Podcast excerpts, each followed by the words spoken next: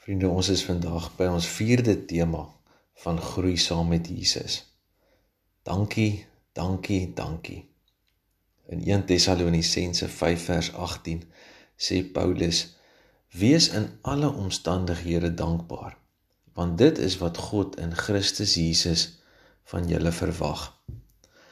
Sjoe, in alle omstandighede dankbaar.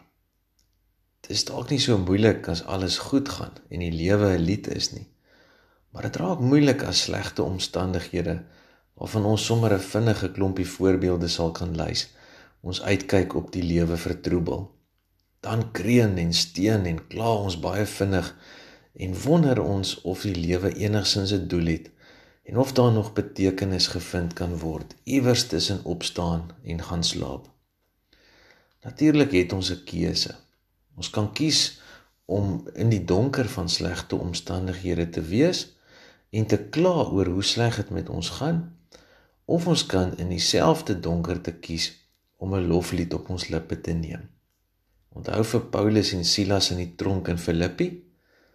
Onthou hoe hulle lofliedere gesing het sonder die belofte dat die tronk se deure gaan oopswaai? Daar's 'n voorbeeld van slegte omstandighede. En dis die einste Paulus wat praat van dankbaarheid in alle omstandighede. Hoe het hulle dit reg gekry?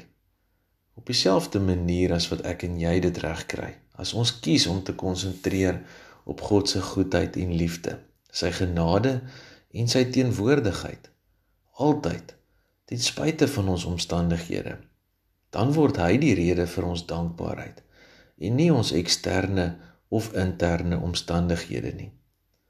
Kom ons vertrou vandag die Here om ons bewus te maak van iets waarvoor ons dankbaar kan wees. Sê dan vir hom dankie daarvoor en kies om hom te loof vir sy goedheid en sorg in jou lewe. En laat jou gesig deelneem aan hierdie ontdekking. Het jy geweet verskeie studies het aangetoon dat mense reg oor die wêreld dieselfde gesigsuitdrukkings gebruik om emosies te kommunikeer?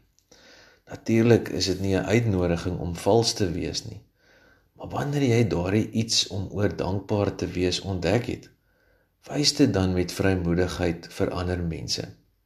Want daardeur word jy 'n getuie teenoor hulle wat dalk jou omstandighede ken en wonder hoe jy daar binne dankbaar kan wees. Kom ons bid nou saam. Here, vandag wil ek bewus word van hoe goed U vir my is en hoe groot u genade oor my is.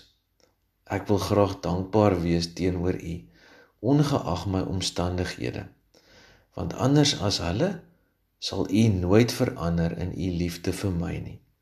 Dankie dat u my God is en ek u kind is te alle tye en ook in alle omstandighede. Amen.